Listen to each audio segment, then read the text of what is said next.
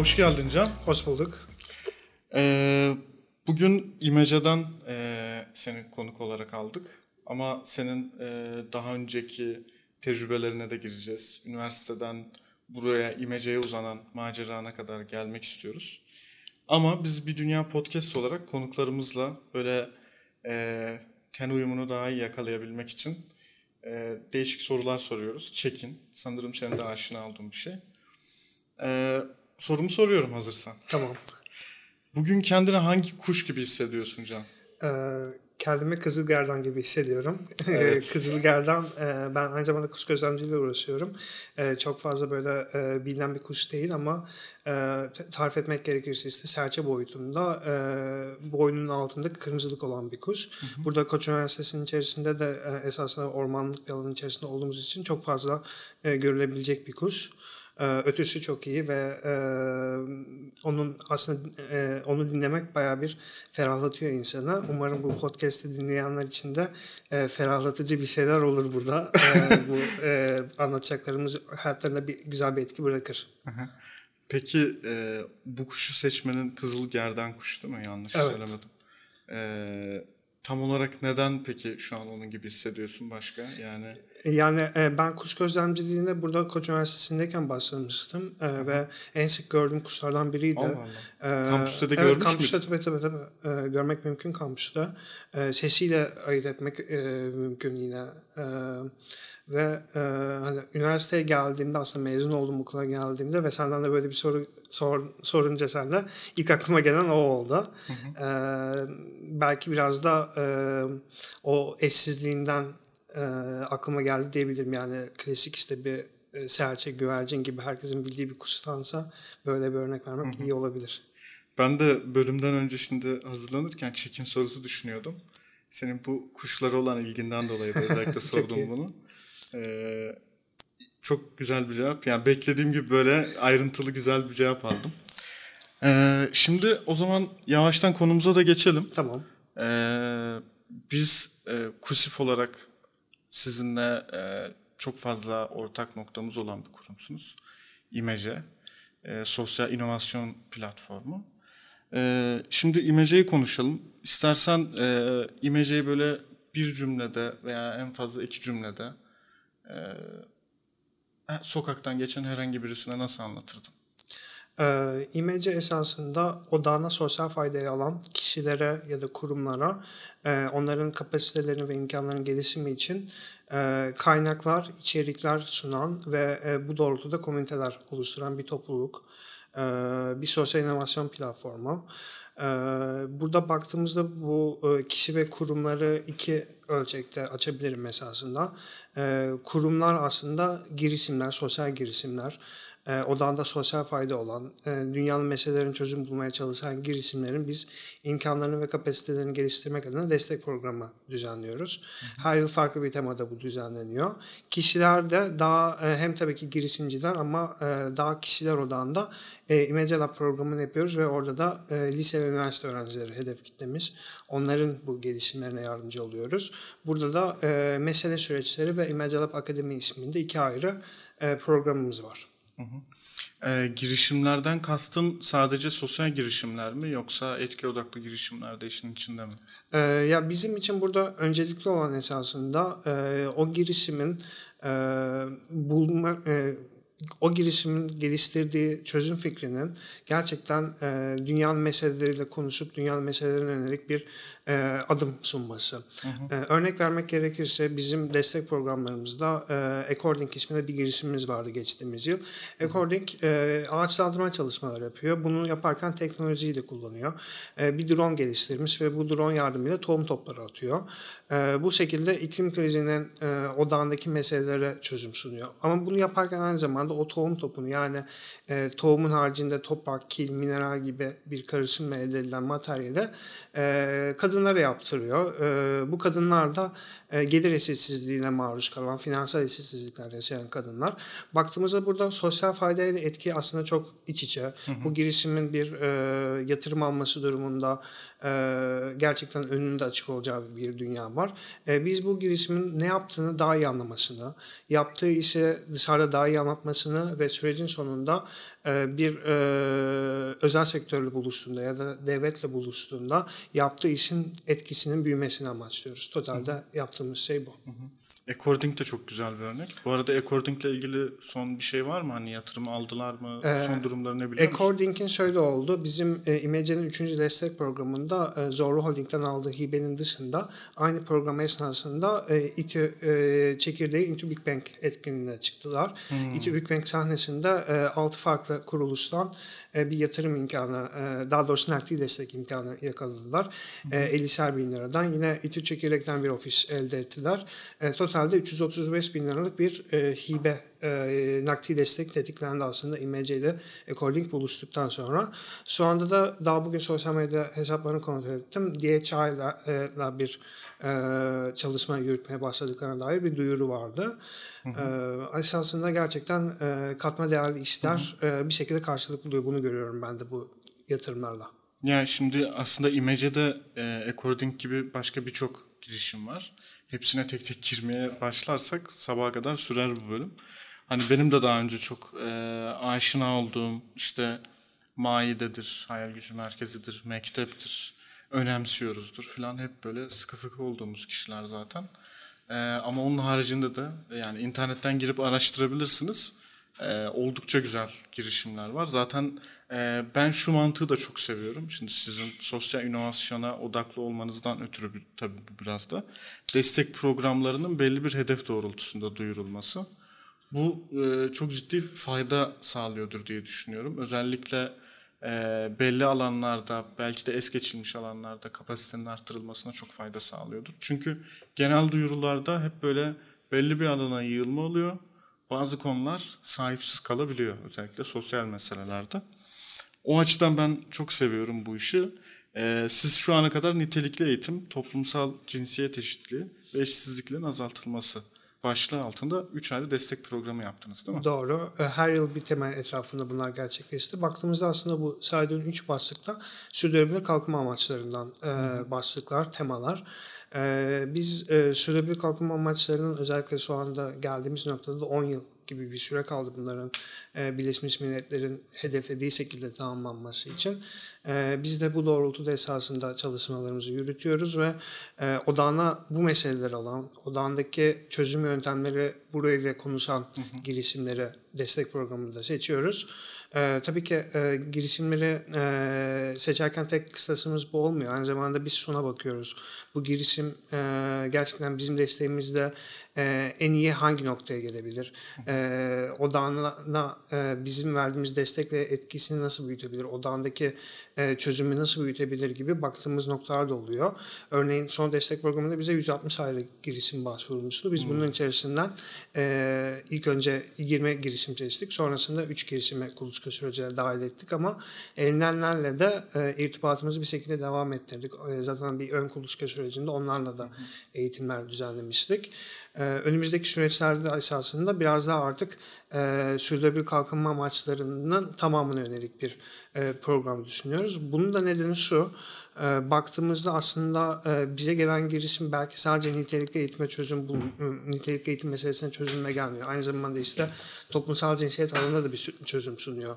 Belki iklim eğilim alanında da bir çözüm sunuyor. Eşitsizlikler azaltılması alanında da. Tematik olarak bu gruplandırma e, meselenin e, özünü anlamak için yararlı olmakla beraber biz e, destek programımızdaki e, bu e, işte tek bir alanda sınırlı tutmak yerine e, bütün e, sürdürülebilir kalkınma amaçlarına yönelik bir program başlatmaya niyetliyiz bu yıl itibariyle. Hı hı. Ee, peki e, şöyle bir sorum olacak. Şimdi 160 tane başvuru var dedin. E, bunun böyle Türkiye'deki dağılımı ne şekilde? Yani hep İstanbul ağırlıklıdır diye ben tahmin ediyorum şu an. E, eğilim ne yönde veya İstanbul dışına da bunun böyle yayılmasıyla ilgili bir planınız var mı? Ee, söyledi bu 160 başvuru 19 farklı ilden gelmişti geçtiğimiz yıl yaptığımızda. Ee, burada da e, özellikle te, e, konu seçimi itibariyle de bu gelişimi e, görüyoruz. Çünkü 3. destek programının teması eşitsizliklerin azaltılması olmakla beraber alt konular engelliler, mülteciler ve e, diğer e, dezavantajlı gruplara yönelik eşitsizliklerde.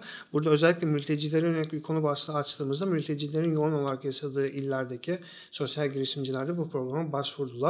Bizim Kuluçka e, programına dahil olan e, Root girişimi birlikte isminde bir kutu oyunu geliştiriyor ve bu kutu oyununu doğrudan Güneydoğu Anadolu bölgesindeki mülteci ve yerli çocuklara sunuyor. Ağırlıklı orada mülteciler olduğu için ve GAP idaresiyle beraber çalıştıkları için. Bu en iyi örneklerden biriydi esasında. Hı hı. Çok iyi. Ee, şimdi e, sosyal girişimcilik ve sosyal inovasyon açısından genel olarak konuştuk.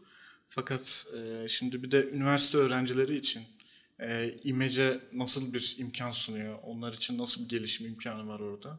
Biraz da bundan bahsedelim istersen. Ama sen lisede dedin zaten. Evet. Lise ve üniversite seviyesinde evet. değil mi? Evet. Yani biz e, odağımıza destek programlarını aldığımız e, ve aynı zamanda e, destek programının haricinde birçok etkinlik organize ettiğimiz aşamada gençlerle birlikte çalışmanın, e, gençler için çalışırken gençlerle beraber olmanın önemini keşfettik. Ve bu doğrultuda esasında e, geçtiğimiz yıl ilk Image Lab mesele süreci açıldı. Image Lab mesele süreci şu. 10 haftalık bir program dahilinde lise ve üniversite öğrencileri bir tema etrafında e, takımlara ayrılarak projeler üretiyorlar. E, bu geçtiğimiz yılın teması kentsel hareketlilik konusuydu. E, yine bu da esasında sürdürülebilir şehirler ve topluluklar küresel amacın altında bir E, çalışma alanıydı bizim için. Peki kentsel hareketliliği biraz açabilir misin? Tabii ki kentsel hareketlilik esasında içerisine ulaşımı da alıyor, trafiği de alıyor, e, düşük karbonlu ulaşımı da alıyor. E, işte e, bugünkü e, ulaşım pratiklerinin içerisinde bir kapsayıcılık olmasını yani engellilerin erişilebilir ulaşımını da alıyor bunun içerisine. E, bunun gibi başlıklar etrafında bu tema seçilmişti.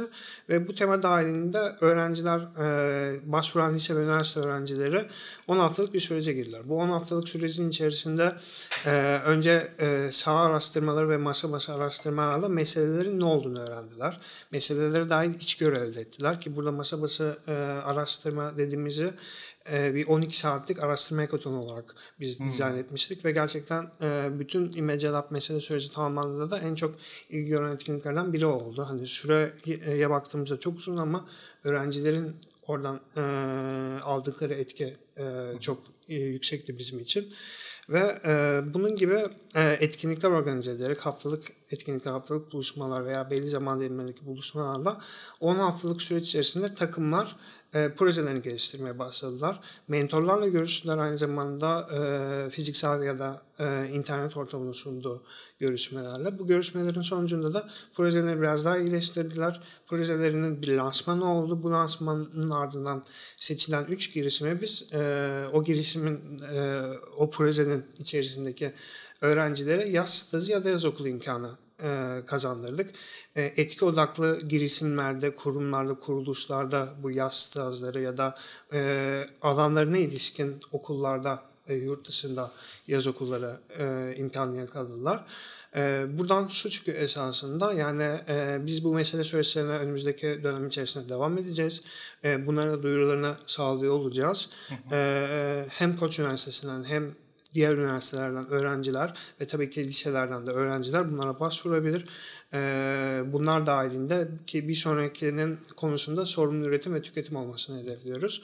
Bunlar dahilinde projelerini sunabilirler, projeler geliştirebilirler ve bir mentorluk süreci dahilinde oradaki fikirlerini iletebilirler. Burada kritik olan şu aslında biz bu meseleler etrafında tamamıyla bir çözüm değil ama sorunlara yaklaşım konusunda onları eğitmek, onlarda öğrencilerde herhangi bir sorun nasıl çözülebileceğine dair design thinking e, ve e, insan odaklı tasarım merkezi alacak bir şekilde onlara bir gelişim alanı sunuyoruz. En büyük faydası bu oluyor bence onlara hı hı. dair de.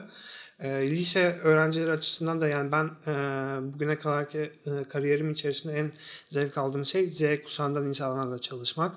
Ee, gerçekten e, yani e, toplumsal meselelere çok büyük bir duyarlılıkları var aslında. Baktığımızda işte Greta'dan en büyük örneği burada vermek mümkün. E, tek başına e, yapmadı belki yanında bir sürü e, insanlar vardı ama sembol bir figür oldu ve e, onun sembol olmasıyla beraber e, Birleşmiş Milletler Kürsüsü'nden yaptığı konuşmayla beraber e, belki dünya liderlerinin gündemine daha fazla bu konu veya özel sektördeki şirketlerin gündemine daha fazla olmaya başladı. E, Greta sadece bir örnek. Gerçekten baktığımızda e, Z neslinin e, çok güçlü bir şekilde toplumsal meselelere duyarlılık gösterdiğini, dijitalleşmenin getirdiği imkanlarla e, bu meselelere dair duyarlılıkların çözüm odaklı gösterdiklerini düşünüyorum.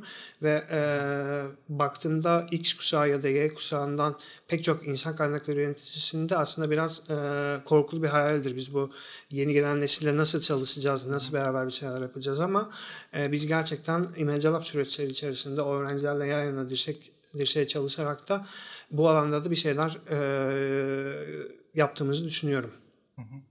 Ee, şeyi yapmanız benim çok hoşuma gitti. Yani e, çözümden çok aslında soruna odaklanmaları. E, o sorunu anlamaları ilk önce her şeyden önemli. Çünkü e, biz KUSİF olarak yaptığımız çalışmalarda da bunu çok görüyoruz. E, gerek üniversite öğrencileriyle, gerek işte e, sivil toplum kuruluşlarında e, sorunu anlama yönünde hep ciddi bir eksiklik yaşanıyor. E, sorunu anlamak isteseler bile o sorunu anlayacak işte veriyi nasıl toplayacaklar, o verilere nasıl ulaşacaklar, sonra bunları nasıl yorumlayacaklar. Bunlar işte yani Koç Üniversitesi öğrencileri için bile hala e, ciddi bir soru işareti. E, siz imece olarak anladığım kadarıyla o e, 12 saatlik e, etkinlikte bunu yapıyorsunuz değil mi? Yani lise öğrencisi bir kişi bir sorunu nasıl araştıracağını öğreniyor bu. Kesinlikle. Burada baktığımızda e, onun için internetten bir arama, gelişmiş arama platformlarının işte Google'un, Twitter'ın ya da belli arşiv amaçlı web sitelerinin sunmuş olduğu gelişmiş arama yöntemlerini biz esasında ilk olarak gösteriyoruz. Orada e, bu 12 saatin başında bunlar e, bir bilgi olarak onlara geçtikten sonra belirlediğimiz alt konularda yani kentsel hareketlilik meselesinin etrafında belki e, 70 tane 80 tane alt başlık belirlemiştik. Bu alt başlıklar etrafında sadece açık kaynaklara bakarak ne tür argümanlar toplanabilir, ne tür istatistik bilgiler toplanabilir bunun araştırması yapıldı ve gerçekten orada o argümanlar ya da istatistikler birer içgörüye dönüştü o öğrenciler takımları dahilinde projeleri e, geliştirirken o içgörülerden yararlandılar. E, baktığımda gerçekten e, bunun e, mikro anlamında bir internet okuryazarlığı ya da medya okuryazarlığı anlamına da gelebileceğini düşünüyorum. Hı. Ve e, öğrencilere belki birçok eğitim kurumunun sunmadığı böyle bir alanda bir hizmet sunmakta e, çok verimli. E, biz bunun da değerli olduğunu düşündüğümüz evet. için Image Lab'da bir ikinci program da başlattık. E, Image Lab Akademi isminde. Burada da e, seçtiğimiz 12 öğrenciyle onların e, içerik üretimi yönünde e, kapasitelerini geliştirmek e, amaçlı onlara eğitim hı hı. sağlıyoruz. Burada e, bir yayıncılık pratiği kazandırıyoruz onlara baktığımızda. Yani fotoğraftan tutun videoya, e, yazılı içerikten tutun bir editoryal bakış açısı gerektiren herhangi bir diğer içeriğe kadar hı hı. E, bir gelişim alanı yakalıyorlar orada. Onların e, bunların e, bu tür alanlardaki e, içerik üreticileriyle yan yana geliyorlar. Bu Hı-hı. içerik üreticileriyle e, sohbet ediyorlar ve e, kış okulu dediğimiz bir programı gerçekleştirip bu kış okulu dahilinde de öğrencilerle çok verimli bir e, hafta geçirdik. Hı hı. E, bu öğrenciler içerik üretimini sizin e, yani imece çatısı altında mı yapıyorlar yoksa işte onlara ayrı kendi bir platformlar kuruluyor o şekilde mi yapılıyor? Ee, şu anda ilk olarak eğitim aşamasındayız ama e, buradaki e, kış okulunun ardından öğrencilerin kendi içerik üretiminde yine İmece'nin hedefleriyle konuşan ve İmece'nin kanallarından e, devam edecek bir içerik üretimi olarak planlıyoruz. E, biz e, Medium'u aktif olarak kullanıyoruz. Image platformunun Medium'da bir yayını var. O yayın o yayın üzerinden içerikleri geliştiriyoruz. Baktığımızda aslında burada içerik üretimini şöyle konumlandırmak da mümkün. E, biz içerik üretimini var olan sorunlar etrafında bir kamuoyu inşa etmek sadece sorundan değil çözümden de bahsetmek ve çözüm fikirleri olanlara da ilham vermek amacıyla e, gerçekleştiriyoruz. Yani İmece'nin bugün YouTube sayfasında kısa belgeseller yayınlanıyor. İmece'nin desteklediği girişimlere ilişkin tanıtım videoları yayınlanıyor ve İmece'nin Medium sayfasında meselelere ilişkin yazılı içerikler çıkıyor. Bunların her üçünü de bu perspektiften gerçekleştiriyoruz. Bu içeriklerin hangilerinin bu öğrencilere ait olduğu, hangilerinin olmadığı belli mi yoksa? Hani... Ee, şu anda dediğim gibi eğitim aşamasında olduğu için aslında doğrudan öğrencilerin ismiyle yayınlanan bir içerik olmadı. Ama süreç içerisinde tabii ki onların e, isminin e, ön planda olduğu şekilde bir hı hı. E, içerik dağıtımı olacak.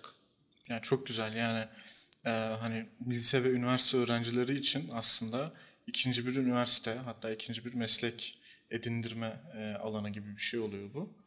E, yani gerçekten hani İMC'yi e, uzun zamandır hani yani en başından beri takip ediyorum. E, ve bilmiyorum hani ben bir lise öğrencisi olsam ve İMC ile tanışmış olsam çok şanslı olurdum diye düşünüyorum. Çünkü hani ben kendi lise hayatımla karşılaştırıyorum. E, cidden çok şanslılar bence İMC ile ilgilenenler.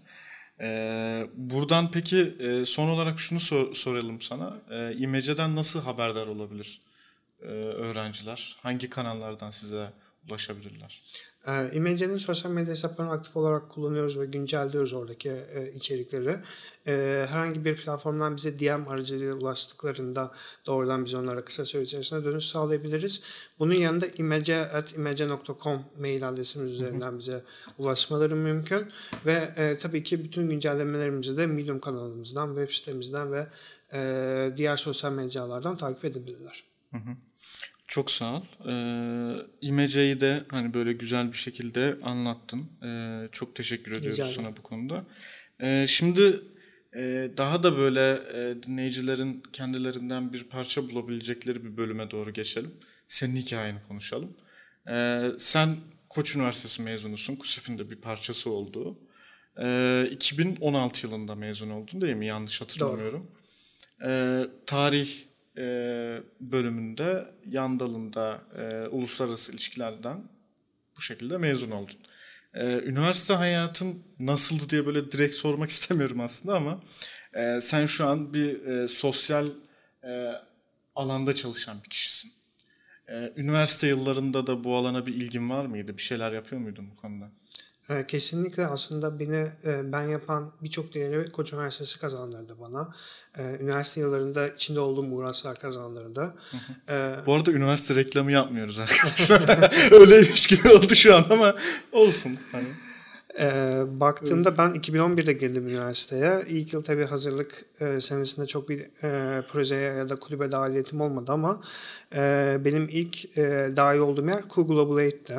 E, Uluslararası Programlar Ofisi'nin altında e, uluslararası organizasyonlar, yardım organizasyonları yapan bir platform. E, Cool Global Aid çatısı altında e, Bosna Hersek'teki projelerde yer aldım ben. E, orada e, çok kısa bahsetmek gerekirse e, esasında e, Srebrenica katliamında mağdur olan e, ailelerin bugün ekonomik zorlukları devam ediyor. E, orada e, yaşayan kadınların ki bu kadınlarda ağırlıkla bizim Karadeniz bölgesi gibi dağınık yerleşmenin olduğu bir bölgede yerle, e, yaşıyorlar. Ve e, o kadınların e, tek geçim kaynakları el işi ürünler üretmek. Bu el işi ürünleri de e, satacakları bir pazar yok. E, bu pazar alanının eksikliğinden dolayı ve aynı zamanda e, üretilen aslında el işi ürünlerinde çok belki modayla konuşmamasından dolayı e, onların e, satış imkanı çok sınırlı. Hı hı. Biz onlardan ürünleri satın alıyorduk ve e, sonrasında Saraybosna'da Osmanlı'dan kalma bir çarşı var. O çarşının içerisinde stand açıyorduk. O standta bunların bir hafta boyunca satışını gerçekleştiriyorduk ve e, elde edilen geliri de tekrardan o ailelerin yararına kullanılacak bir şekilde e, muhafaza ediliyordu.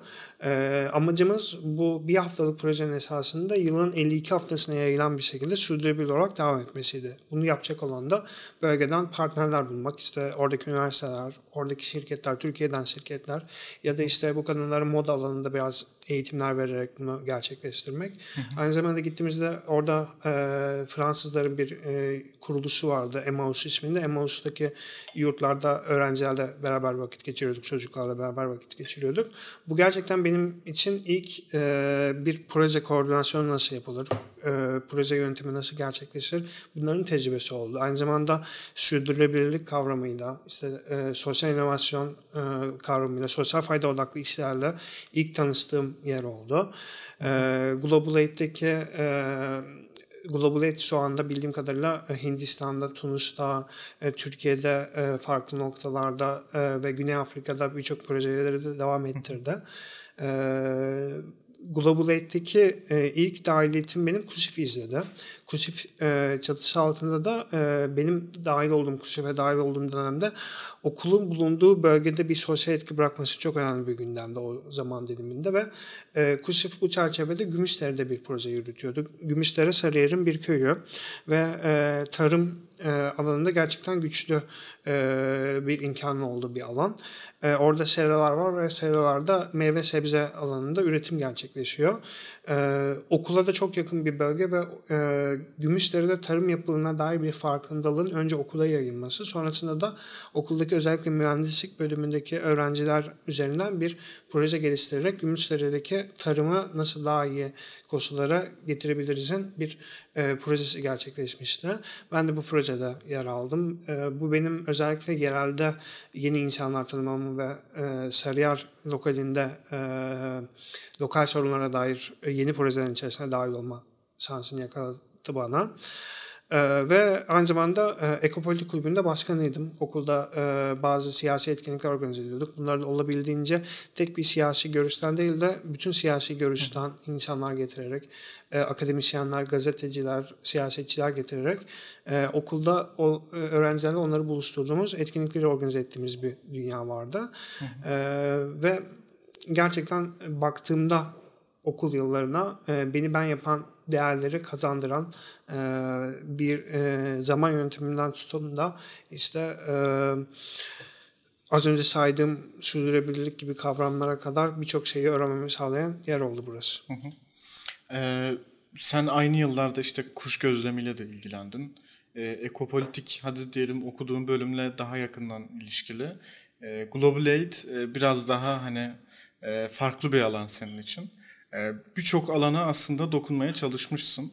Ee, merak alanın da çok geniş. Peki e, bu kadar merak alanın genişken e, kendi kariyer planını falan yapmış mıydın o zaman? Böyle bir plan dahilinde hareket eden bir insan mıydın? Yoksa işte su akar yolunu bulur gibi bir düşünce mi vardı o zaman? Ee, ben dahil olduğum işler arasında ilgi alanındaki işlerde, ilgi alanındaki çalışma alanlarıyla. Ee, sadece bu ilgi alanlarından hangisine fokus olacağım yönünde bir kararsızlığım vardı. Özellikle de son yıl, okulumun son yılında bu çok ciddi bir kararsızlığa dönüştü. Ki e, ben aynı zamanda okulun son iki yılında 140 Cunos'un e, o zaman editörlüğüne başlamıştım. Hı. 140 Cunos o dönemde YouTube kanalı değil de Twitter üzerinden yayıncılık yapan bir mecraydı. Ve Yurttaş Gazeteciliği vatandaş haberciliği alanında bir iş yapıyordu. Bir yandan böyle bir medya deneyimi var. Bir yandan işte kendi alanın tarih bölümü e, Yandal'ın uluslararası ilişkiler bunların getirdiği meslek imkanları var. İşte e, Global Aid, KUSİF üzerinden sivil toplum gibi kavramlara çok yakın bir noktadayım. E, bunlardan hangisini seçeyim, hangisine kariyerime devam edeyim noktasında çok ciddi bir kafa karışıklığı içerisindeydim. E, bu, bu soru işaretlerinden ben üniversitenin kariyer gelişim servisi üzerinden çıktım. Kariyer gelişim merkezi üzerinden çıktım.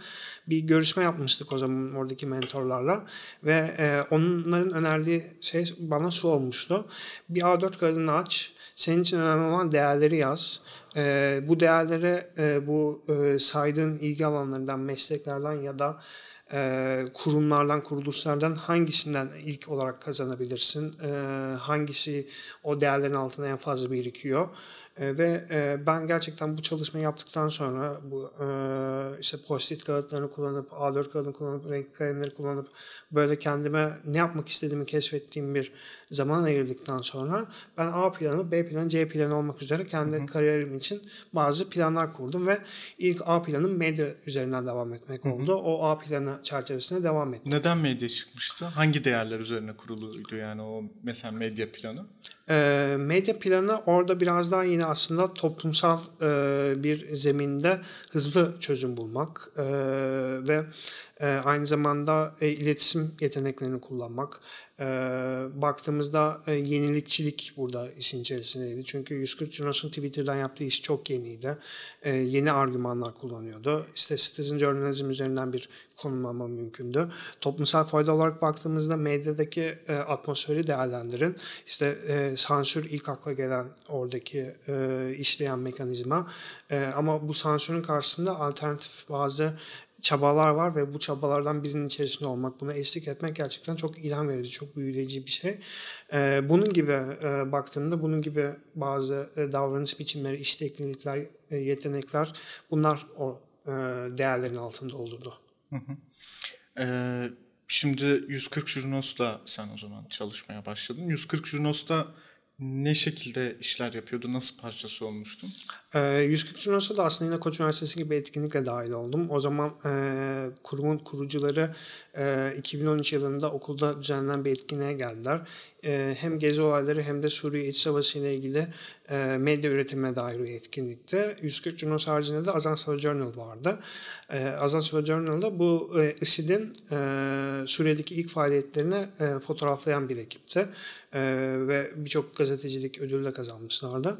Ben hem 140 Junos hem Azan Journal'ın orada sunumunu dinlediğimde ki yanılmıyorsam Koç Üniversitesi Fotoğrafçılık Kulübü organize etmişti bu etkinliği de. Ee, gerçekten yapılan işi çok beğendim ve bu ekiplerin bir parçası olabilir miyim diye irtibatımı devam ettirdim. Ee, 140 Junos Bilgi Üniversitesi'nde 2013-2014 eğitim öğretim yılında bir sertifika programı düzenledi. Yeni Medya Okulu isminde. Ee, iletişim bölümünden akademisyen Erkan Sakan'ın dahiliyeti olduğu, yönettiği bir programda. Ben o programa dahil oldum. Arkasından e, 140 Junos ekibiyle iletişimi devam ettirdim okul yıllarında 140 Junos'un editörlüğünü üstlendim. E, burada e, ilk olarak aslında 140 Junos vatandaş haberciliği yaptığı için yani işte akıllı telefonumuz aracılığıyla e, bir olayın tanıklığını belgelemek sosyal medya hesaplarında kullanarak kısaca böyle tarif edebilirim vatandaş haberciliğini. E, biz e, Türkiye'deki toplumsal olaylara ilişkin içeriklerin kitle kaynak bir şekilde üretimine orada odaklandık.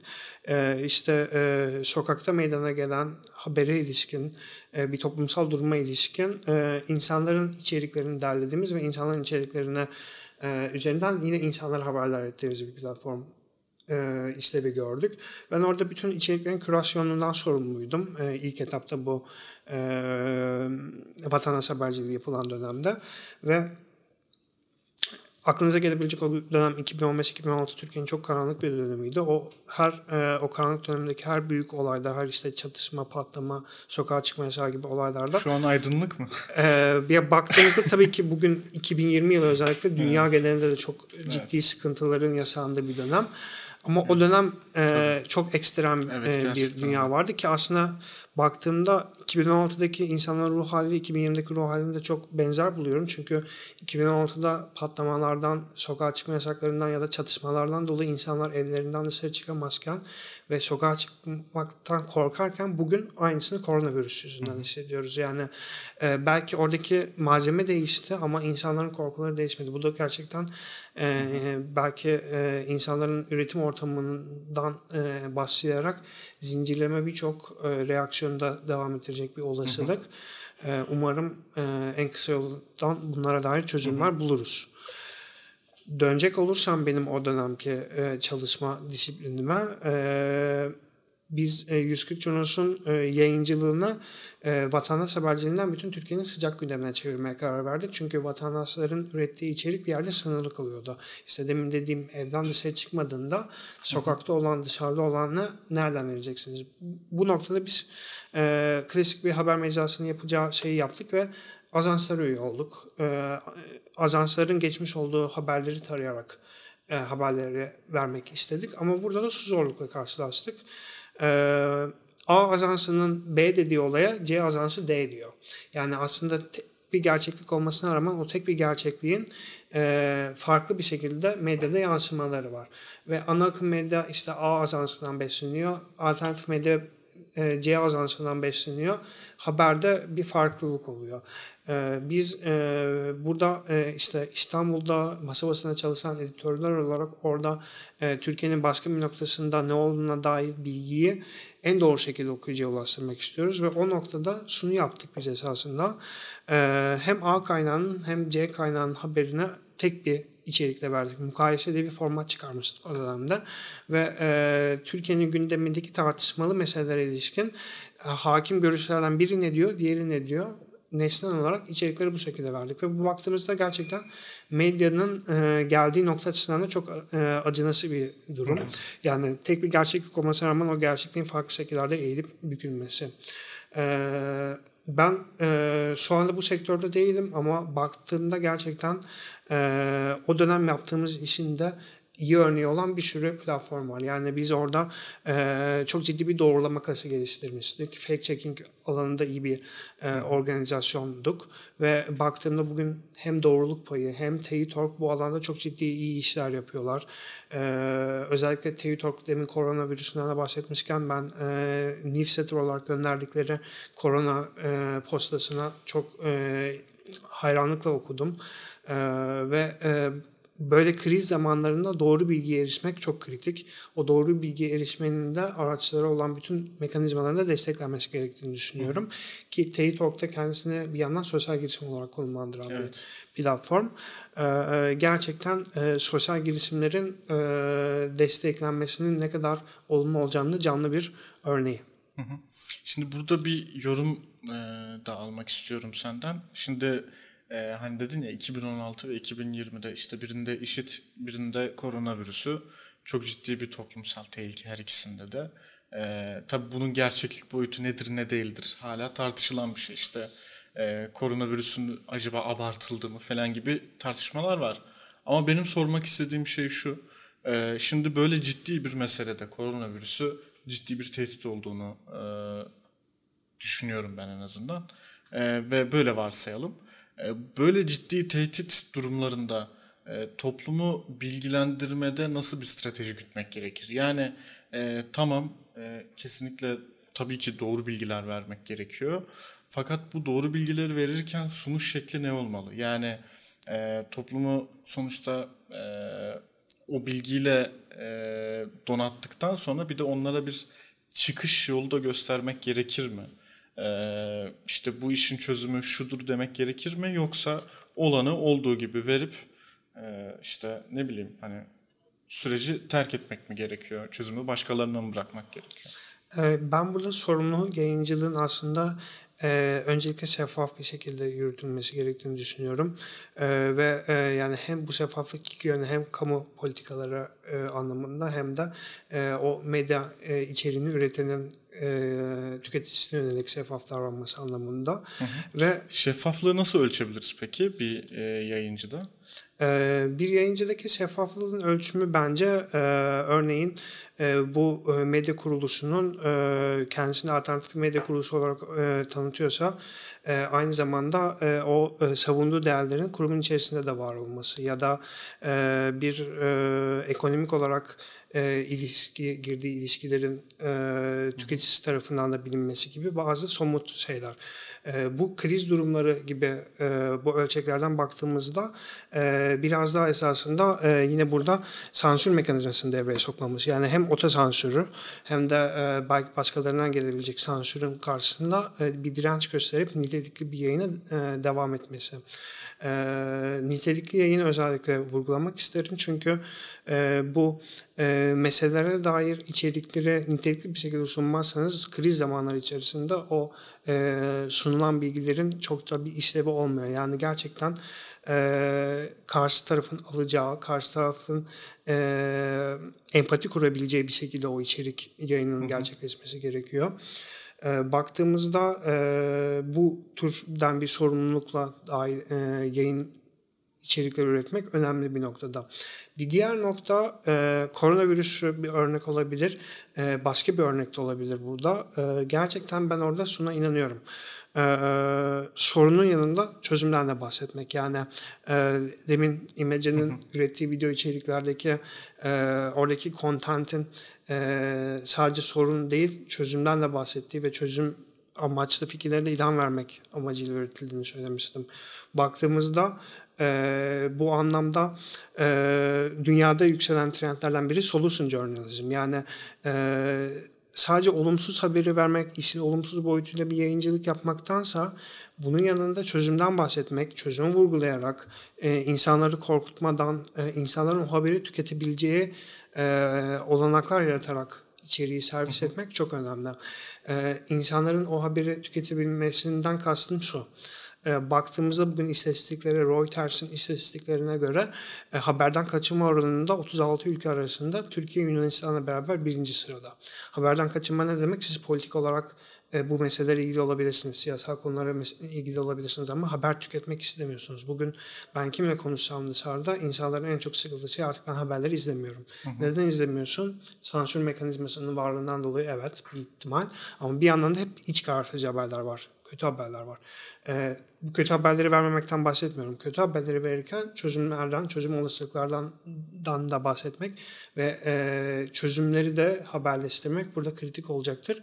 E, ki ondan sonra e, online e, journalism anlamında, solution journalism anlamında e, istatistiklere baktığımızda çözümden bahseden haberlerin daha da fazla tüketildiğini de görmek mümkün. Hmm, çok iyi. Ya aslında bu e, medya alanında sana daha sormak istediğim çok fazla soru var. Belki onun üzerine özel bir bölüm de yaparız. Tabii ki. Eğer tabii için ki. uygun olursa. Şimdi e, konudan çok sapmadan senin hani hikayene devam edelim. E, 140 Junos'tasın şu an değil mi? Hikayenin o kısmındayız. Evet. E, oradaki hikaye nasıl bitti diyeceğim ama Açık Radyo'daki e, mevzu var. Bir de sen Açık Radyo'da da yayıncılık yapmışsın sanırım değil evet, mi? Evet. E, Açık Radyo'da e, 140 Junos'un e, haftalık Twitter üzerinden gerçekleştirdiği e, yayının derlediğimiz bir e, yayınımız vardı. Hmm. Ben yine üniversite yıllarında buna başladım. 2014-2016 arasında Açık Radyo'da her cuma program yaptım. Ee, saat 10 ile 10.30 arasında yarım saatlik bir yayın akışımız vardı ve e, orada haftalık bir haber derlemesi yapıyorduk. Ee, ee, Ömer Madra'nın e, programının arkasından biz çıkıyorduk. E, onun programında daha e, meseleler ekolojik boyutuyla ve toplumsal boyutuyla e, biraz da e, klasik gazete e, mecralarından sunulan haberlerin değerlendirmesiyle yapılırken bizimkinde daha e, vatandaş haberciliği dediğimiz Twitter'daki e, gündeme yansıttığımız bir bülten olarak konumlanmıştı. E, ve gerçekten benim de en çok keyif aldığım e, hayatımdaki zaman dilimlerinden biriydi Açık Radyo'da program yapmak. Hı hı. E, 140 Journal sonrasında esasına baktığımızda e, üçüncü bir e, yayın formatı dediğim alanı var. E, işte Yurttaş Haberciliği de başladı. E, Türkiye'nin sıcak haber yayınına odaklandı. Sonrasında YouTube üzerinden e, aslında tanınırlığını sağlayan Hı. alanda bu oldu. E, baktığımızda e, YouTube yayıncılığında e, gerçekten e, birçok e, mecranın da örnek aldığı bir yayın platformu haline geldi. Ee, YouTube yayıncılığına geçişi belki burada anlatmak önemli olabilir. Çünkü e, YouTube'daki Tabii. içerikleri birçok kişi biliyor. E, onlara tekrar girmektense geçiş şöyle oldu. E, o Zaten çoğu kişi YouTube dışında 140 Junos'un yaptığı bir şey olduğunu bilmiyor. Evet, evet, evet, evet. E, oradaki e, önemli olan e, nokta şuydu. Biz e, sıcak haber yayını yaparken e, burada e, gündemdeki her şeyi vermek e, bir noktadan sonra orada e, çok ciddi bir iş yük yaratıyordu. E, ve e, yaptığımız işte de nitelikli ürünler çıkartmayı zorlaştırıyordu. Bunun yerine biz süreç anlatısı yapalım dedik. Hı. Yani bir olayı e, sıcak gelişme olarak vermektense e, o olayın e, basındaki, sonundaki ve aradaki kilometre taşları gelişmeleri verelim. E, bunlar bağlamında kolaj videolar üretmeye başladık. E, kolaj videoların yanında e, birebir röportajlar alalım ve bu röportajlarda da e, o meselenin tanığı olan ya da meseleye dair uzmanlığı olan insanları konuşturalım. Onlarla e, bir e, diyalog halinde e, bu e, meselenin e, ayrıntılarını ele alalım e, fikri vardı. Benim o dönemki e, 140 Üniversitedeki e, dahiliyetimde de e, bu biraz e, daha e, editörlüğümün kapsamı tabii ki genişledi. Yani ben hem araştırmadan sorumluydum hem e, röportajlara gidiyordum hem e, video editini belli bir aşamaya kadar getirip videograferlara teslim ediyorduk. E, hem de ekipteki stajyerlerle revizyon süreç, e, pardon stajyerlerle e, bir süpervizörlük süreci götürüyordum. Onların gelişimi e, ve e, ekipte günün sonunda bir editör olarak ekipte devam edebilmeler adına e, bir program uyguluyordum orada. Ee, böyle bir dahiliyetim oldu ee, ve 2019 e, itibariyle de e, İmece'de şu anda çalışıyorum. Hı hı. Baktığımda e, buradaki geçişte ben şunu önemsiyorum. Medya alanındaki deneyimi alıp farklı bir sektörde devam ettirmek. Yani e, sosyal inovasyonu merkezine alan bir alanda e, medyadaki deneyimini taşıyarak o içerik üretiminin değerli olduğu e, noktaları başka sektörlerde nasıl uygulayabilirizin bir deney alanı oluyor bana bu. E, bu alanda hoşlandığım bir nokta. Geçiş nasıl oldu peki? E, yani geçiş, sen böyle planladığın bir şey miydi yoksa böyle? E, geçiş biraz, biraz daha, daha 140 sonrasının kendi iç dinamikleriyle alakalı bir e, durum oldu. E, fakat e, geçtikten sonra da şunu gördüm esasında kendi kariyerim açısından da güzel bir nokta oldu bu. Çünkü e, İmece e, aynı zamanda Zorlu Holding'in ve Atölye'nin kurucu ortağı olduğu bir yapı. E, Zorlu Holding özel sektör dinamiklerini getiriyor. Atölye e, bambaşka, e, atölyeyi bilmeyenler için şöyle kısaca açayım. Beaumont Adanın içerisinde bir mekan atölye ve e, bir tasarım stüdyosu. E, Birçok e, design thinking alanında nitelikli e, içerikler ve nitelikli e, hizmetler veren bir yer. E, aynı zamanda e, İmece'nin de e, bütün kuruluş süreçlerinde e, tasarım süreçleriyle e, içli dışlı olmuş bir e, kurum. Hı hı. E, bir yandan İmece ekosistemde hızlandırıcı bir kurum ama baktığımızda girişimlerle iç içe ve girişimcilik yapan birisinin e, ne türden e, edinimler, ne türden e, bilmesi gereken şeyler varsa bunları veren bir noktada. E, ve ben kariyerimin bu noktasında kendimi şöyle değerlendiriyorum. Ben hem özel sektörün denemeklerin içerisindeyim. Zorlu Holding'in kurucu ortak olduğu bir dünyada. Hem e, sosyal inovasyon alanında bir şeyler yapıyorum. Hem sıfırdan bir girişim e, kursam e, neler yapmam gerekir, nelere dikkat etmem gerekir bilgisini ben de öğreniyorum bu süreç içerisinde. Ee, Buradan şuraya bağlayabilirim aslında bu e, podcast'i dinleyenler kendi kariyer planlarında neyi nasıl yapacaklarını e, sorguluyorlarsa şu anda e, en önemli önerim şu olur. E, olabildiğince farklı disiplinlerin buluştuğu ya da farklı kurumların buluştuğu, ortak olduğu yerlerde kariyer imkanları kurmaya çalışın. Çünkü bu gerçekten sizi tek yönlü değil, çok yönlü geliştirecek ve e, bir yandan baktığımızda hep işte Birleşmiş Milletler'in sürdürülebilir kalkınma amaçlarından bahsediyoruz. Amaçlardan 17'si amaçlar için ortaklıklar kurmak. Hı hı. Ortaklıklar kurmak, kimin ortaklıklar kurması? Bireyin, devletin, e, özel sektörün, girişimcilerin ve aklımıza gelebilecek diğer aktörlerin sorunlara birlikte dahil olması, çözümleri birlikte geliştirmesi. Bunu sağlayabilecek ne tür iş imkanları varsa, bunu sağlayabileceklerini düşündükleri ne alanlar varsa ya da e, kendi kariyerlerini bilimsel bir noktadan devam ettireceklerse de olabildiğince disiplinler arası e, bakış açılarının var olduğu yerlerde, akademik dünyada e, bu disiplin arası çalışmaların çok önemli olduğunu düşünüyorum. E, bizi yani Y ve Z kuşağını diyeyim geliştirecek olan şey e, birden fazla kasımızın e, farklı noktalardan gelen bilgilerle gelişmesi. Bu gerçekten e, dünyanın geleceğinde amaçladığımız, hedeflediğimiz şeyler yapabilmemiz için çok önemli bir kas. Peki bir alanda çok uzmanlaşmak mı yoksa birçok alanda e, ortalama bir bilgiye mi sahip olmak? Yani eski nesil hep bu argümanı sunuyor ya. O eski nesil de şimdi bahsetmek de istemiyorum. Kendilerini çok sevmem. dermişim. E, yani hani hep bu tartışma çıkar oraya. Sen diyorsun ki birçok farklı alandan kendini geliştirmek daha iyi özellikle günümüz dünyasında. Ee, baktığımızda benim aslında önerim tam olarak şu. Olabildiğince kendilerini geliştirebilecek farklı alanlara içerisinde Hı-hı. olmaları. Yani ben e, bu matematikte baktığımda aslında kariyerimin ilk yıllarını belki tek bir alana yönelttim ama Hı-hı. bugün baktığımda birden fazla alanın içerisindeyim. Evet. E, bunların hepsi birbirine konuşan şeyler. Çok da birbirinden ayrılabilecek şeyler değil. Olabildiğince e, kendilerini belli noktalarda geliştirip e, belli uzmanlıkları yakalayıp o uzmanlıklar çerçevesinde bu kararları vermek önemli. Yani tabii ki burada da şu öne, önemli bir yere çıkıyor. Okuldan mezun oldum ve direkt iş dünyasına atıldım bu çalışmıyor artık. Bunun yerine gerçekten okul yılları içerisinde en verimli şekilde kulüpse kulüp, e, stajsa staj, e, bir projeye dahil olmaksa o projeye dahil olmak, belki bir girişime dahil olmaksa bir girişimin içerisinde olmak ama e, bu şekilde uzmanlıklar yakalayarak, bu şekilde uzmanlıkları geliştirerek sonrasında e, birden fazla alan içerisinde olunabilir. Sen son sorumda şu olsun o zaman. Ee, şimdi hem üniversite yıllarında hem şu anda da birçok farklı konuyla ilgileniyorsun. Hayatında bu zaman yönetimini nasıl yapıyorsun? Buna dair böyle verebileceğin bir tavsiye var mı bize? Ee, Ben zaman yönetimini esasında şöyle kuruyorum. Olabildiğince yine e, yaptığım işleri e, başka işlerle ortaklaştırmaya çalışıyorum. Yani e, bir örnek vereyim. Kusif'in Gümüşdere projesini yaparken ben aynı zamanda 140 Junos'un yan projesi vardı Gastronomika isminde. E, Gastronomika'da Anadolu mutfağını yeniden kimliklendirmeye dayalı e, gıda alanında bir farkındalığı e, sağlayacak içinde şeflerin olduğu bir projeydi. E, Gastronomika'daki çalışmalarımla e, Kusif'in Gümüşdere projesini birleştirdim ve gastronomikada şöyle bir ihtiyaç da olmuştu o dönemde.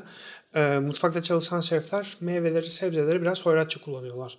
E, ve e, buradaki e, şeflere sorumlu bir üretim e, anlayışı kazandırmak amacıyla o meyvenin, sebzenin üretildiği ortama götürelim. Biz onlara bir eğitim verdirelim ve onlar bu eğitimden geçerek e, bir e, çıktı elde etsinler dedik. E, Ve e, nerede yapabiliriz bu eğitimi dediğimde benim aklıma Gümüşdere'deki e, sera alanları geldi. E, oradaki çiftlikler geldi. Veya e, şehir içerisinde bazı noktalarda bostanlar var biliyorsunuz. Bu bostanlar aklıma geldi. Olabildiğince buralarla diyalog kurarak, buradaki projeleri birbirine konuşturarak yani bu günün sonunda şuna yarıyor.